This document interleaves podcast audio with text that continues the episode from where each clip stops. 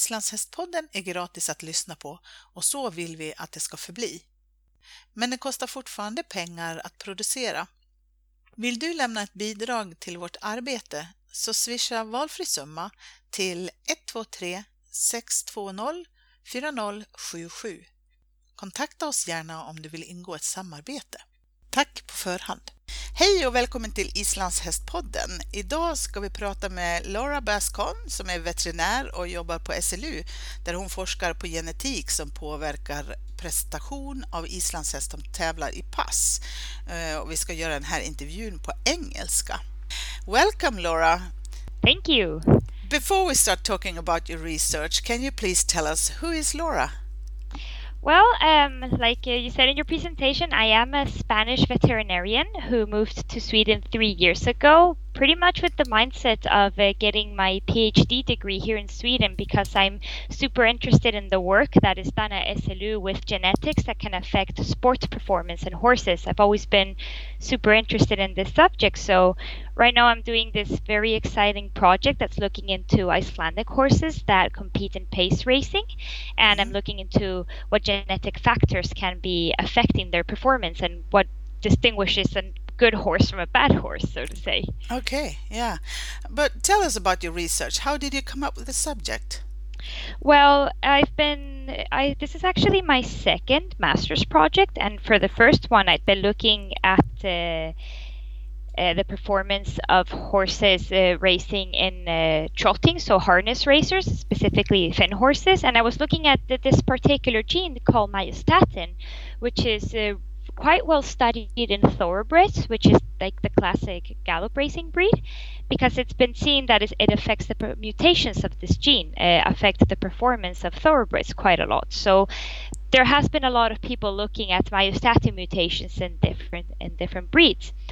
And then it just so happened one day, out of pure coincidence, that uh, me and another colleague from the research group were completely alone in the department, and Thorvaldur Kristjansson from Iceland, you know, the, the breeding leader in Iceland, Yeah, yeah. and and uh, also Jaime from from SIF and another representative from the Icelandic breeding, they they came by to the department because they wanted to talk to the people that were working with Icelandic horses, and Mhm. it just turned out that it was just the two of us there, and we ended up talking to them. And it was actually Thorvaldur's suggestion that someone start looking into myostatin and if it would be affecting pace racing Icelandic horses. And I totally, I totally jumped on that because I was all, I was already working in a very similar project, same gene, just different breed and kind of different racing. And I thought it sounded super interesting, something quite new because even though we know what. Uh, we, we know the gene that enables horses to pace. We still don't know a lot about what is affecting uh, good performance in pace racing. So, like I said, I, I told uh, my supervisor, Gabriella Lindgren, of the meeting and the idea suggestion that Thorvaldur gave us, and we just made it into a project. Yeah, okay. When did you start the work then? uh, the project started in January this year. Okay. And uh, I've been doing it part time because I'm also working part time with another research group, so Okay. have a lot on my hands. Yeah, okay. And when will you finish the work? It's uh, my defense is set for the 18th of October, so pretty soon now the project will be done. Okay, exciting. Yes. Your research is looking into uh, at what age the horses start training for pace. And what surprises me a little bit is that you say that most of the horses they reach their peak at 13 years old. Uh, I wonder if they stay on top for a long time. Do you know that? Because many of our Swedish pace elite horses are a lot older than 13 years, I think. Yes, so this is actually like a little bit of a misleading idea because right now this uh, peak of age of 13 years old is based on only 67 horses that I, the ones that I have so far in my study. So what I did was I tried to make a mean age of when the horses reach their best time. But this is quite also individual. I do have many horses that reach their better times the older they get.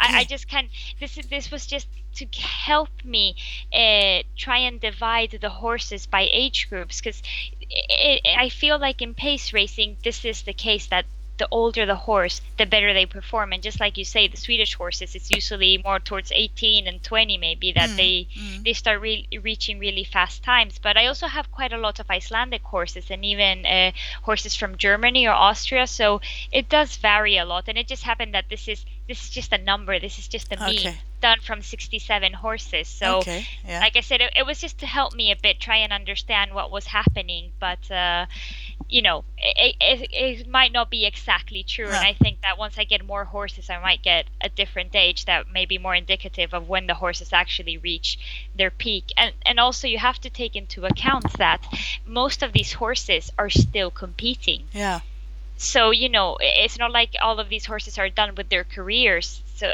even more so makes this number kind of not true okay yeah Truly. okay, okay. you say that you have 67 horses in your research at the moment mm-hmm. uh, is it swedish horses or, or is it horses from other countries also these 67 horses are mostly Swedish, but I have some Icelandics, uh, uh, like three or four German horses, some Austrian horses, and now that I'm still receiving quite a lot of samples, I've gotten like over 30 horses from Iceland, and I'm still getting okay. German horses, per, for example. There's a big interest in the project from German stables as well, so they're a little bit from everywhere. okay, okay. So, how many horses would you like to have in your research? Well, ideally, I would say 200, but I don't think that's going to be possible. It doesn't seem to, to okay. get like pure pace racers because it feels like a lot of the horses that participate in pace race are, are their main competition area is five gait, mm-hmm. and then they kind of do pace racing on the side. So to find these pure pace racers, I feel like this is quite a new discipline mm-hmm. that that is growing in interest, but hasn't been going on as long as other things like Tölt, for example. A lot of my ah, pace uh. racers even train for Tölt. Yeah, yeah. So, you know, it's it's hard, but I think that to, to be able to produce solid results, results that are in the end publishable, I 150 at least would be would be amazing. Okay, and it's still possible to send in samples to participate in your research. Yes, yes, I am still waiting for samples. I have set a deadline for myself uh, for the 13th of August, and that is when I will close the sample collection and start genotyping what I have. So, anyone that's listening to this that has received an envelope from me, please try to remember to send it back uh, mm-hmm. before the 13th of August. And yes, anyone that wants to participate in the project, all they have to do is uh, maybe send me an email. Mm-hmm. And uh, so the all the owner needs to do is uh, take some tail, uh, some uh, hairs from the horse's tail, yeah. and fill in a questionnaire. So what I do is that I send them an envelope with everything that they need and clear instructions and a paid envelope to send it all back to me. So it, it, it really just takes five minutes to fix it. Exactly. Yeah. Okay. So we hope that uh, many will hear this and, and help you get some more uh, horses into the research Yes, yes, yes, that would be great because uh, apart from myostatin, this uh, first gene that I mentioned before that affects the racing performance, especially of uh, galloping horses, mm-hmm. we also have two other genes, and one of them is related to temperament, right? Because yeah. we we truly think that that temperament is, is a very important factor in in pace racing, and and the result, the preliminary results are looking quite interesting. So we definitely need more more horses to be able to make a solid association with this temperament gene and and uh, well yeah mm-hmm. the the performance can you tell us about what factors that can or will affect the performance of the gait apart from the pace gene Yes. So, so for those of you listening that don't know, uh, there was a discovery a few years ago that found that uh, a mutation in a gene called DMRT3, and like a very simple mutation of this gene, when they have two copies of the mutation, this enables the horses to pace and produce alternate gaits. And and this is kind of the start of all of this. So we know what enables a horse to pace. That's that we call AA horses. Yes, yeah. because that is the, the genotype. So mm-hmm. AA is like a double mutant uh, base, mm-hmm. so to say, of, mm-hmm. of this uh, gene. So AA horses are the ones that have shown very good pace. Mm-hmm. And uh, but then other than that, like there is not a lot known on how the horses uh, can perform good pace at high speed, particularly in, in pace racing, which seems to be a very specific discipline. So we believe that, that, like I said, temperament is one of the biggest factors apart from the body's capacity to produce the pace at the high speed, right? Mm-hmm. Co- coordination obviously has to be important to keep it up but but we're really set on on temperament and what we are calling the will to win Mm-hmm. so we we believe that horses that don't get very stressed during the competitions horses that can focus very well during training and during the competition so that you know they don't get distracted by external factors and break the gait during the pace race. But especially horses that are super motivated to win right? These horses that that get really upset if another horse passes them we believe that these are the ones that are going to succeed in pace racing. Yeah. and we have a gene uh, which has appeared before related to performance in harness racing and it was uh, almost significant to to ability to pace in a study that uh, happened a few years ago Okay. so uh, this gene has a couple of simple mutations kind of like dmrt3 where it's only one base that is mutated and my preliminary results show that it might be affecting this will to win capacity and their ability to to focus so that the mutation is beneficial to performance. So like so we have genes that are looking into uh, muscularity and their capacity for speed and coordination but we also have this temperament gene. So we believe that these are like kind of like the three factors that can be affecting uh, pace racing the most. The ability to pr- produce the pace at high speed the coordination and the mentality of the horse Okay. What information and material are you using for the study? Well, I take information from WorldFengur, so I take all of the racing times for for the three different types of pace race, and then I take, uh, for example, their BLUP values. So this is like the genetic evaluation values for pace. And if a horse has been to a breeding field test, I also take uh, the points that they received for pace so that I can try to associate all of this to, to the genes that I have. And then the temperament side comes from o- the owner questionnaire. So, like I said before, the owners have to fill in a questionnaire where I ask them to rate their horse's nervousness, focus, and motivation or will to win. And I use that as data to associate to the genotypes as well. Okay. hmm So tell us about your results this far. Well, yeah, like I said, we well just so that everyone listening understands that these are very preliminary results. Like I mm-hmm. said before, 67 horses is not a lot to go by. So the results so far are promising. It feels like we're going in the right direction, but we definitely need more horses to be able to say that these results are actually true. Mm. But anyway, the gene that is related to temperament seems to be having an effect in, in performance. I have found a positive association with the mutant gene variant, so that it seems that the horses that were rated to be the most calm, the most focused, and the most motivated to win always have a high frequency of this mutant gene variant. Mm-hmm. Which suggests that it's beneficial to, to the performance. And also myostatin, which is the gene that I've been mentioning before, I've also found an association with um, the normal gene variant actually and not the mutant one at 250 meter pace race. And this is a bit of an interesting result as well preliminary as it is, because the, the way that myostatin mutations work is that the normal gene variant so the one that isn't mutated has always been associated to stamina right so you you find this uh, this normal gene variant in really high frequencies in Icelandic horses, in trotting horses, draft breeds. So all of, all kinds of horses that are usually bred for stamina and endurance. While the mutant allele, so sorry, the mutant gene variant of uh, myostatin is the one that you find in really high frequency in thoroughbreds and quarter horses, so like speed breeds, so to say. Uh, So we were kind of expecting to try and associate the speed variant with the pace racing, but it- it's been the contrary case where it's the stamina variant that we've been asso- ha- we have associated to 250 meters pace race, and we believe that this actually makes sense because uh, the the 250 meter pace race is the longest, and it feels like the horses need a special kind of stamina to be able to keep the pace, which is such an explosive and high intensity exercise for such a long distance. Yeah. So we're we're hoping that this stamina gene variant is helping the horses perform better at 250 so that the muscles don't take up all the energy that they have at the very beginning but can use it slowly over the long distance. Okay. Is it difference between P1 and P3? That's uh, the one of them is 150 meters and the other one is 250 meters in this research? Yes, so the association that we found, so like the solid result, so to say, has only been with 250 meters. I haven't been able to find anything with 150 meters. Okay.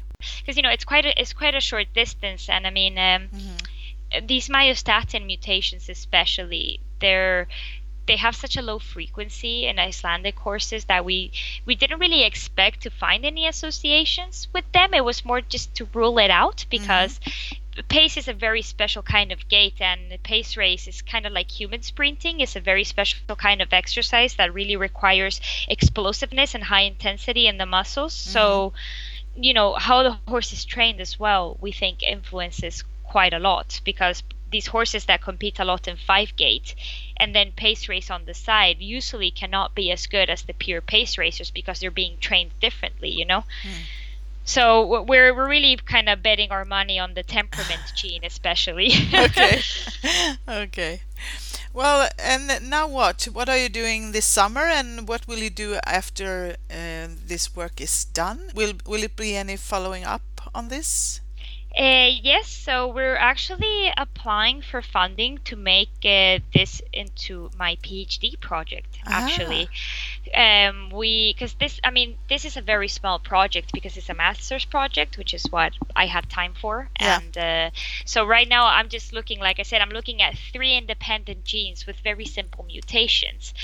And, and I may or may not in the end have solid results. But uh, for what we want to do is make this into a four year project, like I said, a PhD, where we are going to look into the whole genome and all known mutations of, of uh, horses and try to associate it with the pace racing performance. So it's this is how DMRT3 was discovered. So it would be like a very long project, really loo- looking very deeply into pace racing and trying to understand what genes may be affecting the coordination, uh, all the neural, like you know, all the cerebral activity that is involved in in producing this gait and maintaining it at such high speed. And I'm really interested also in, in the muscle metabolism that is involved in all of this. So uh, yeah, I'm going to keep, uh, like I said, waiting to receive samples until the middle of August, and then Yeah. I am going to genotype what I have, run an analysis again, and um, by the time it's finished in October and after I've done my defense, if the results are good enough, I am definitely going to try and publish an article with my results so that yeah.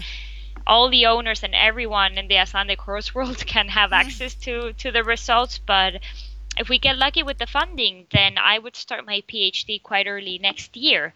And if we don't, then we just have to keep trying to apply for funding. But um, I'm really set on continuing this project. I think it's super interesting, and I really want to look more deeply into this because I definitely feel like this is just scratching the surface of what is a very complex discipline of racing and and a lot of genes that have to, have to be involved in this process. Yeah, okay. Well, we think it's very interesting too, and we wish you best of luck. Thank and you. Um, and we at the Icelandic Horse Podcast, we will put the email address uh, to Laura so that uh, people can contact you with questions and maybe they can give you more samples for your research. Yes, just you know, any questions you have, even if you don't want to participate in the project, you're curious about anything, feel free to email me. And if you do want to participate in the project, again, just write me an email and I'll explain how to how to go about it. But like I said before, it's super simple. You just have to take some hairs from your horse's tail, and I give you everything that you need, and you don't even have to pay the envelope to send it back to me. So I, I try to make it as simple as possible for all the owners and participants. Yeah, I have been sending in uh, for my horse, and I can guarantee it's very super simple and very fast. So no problems at all.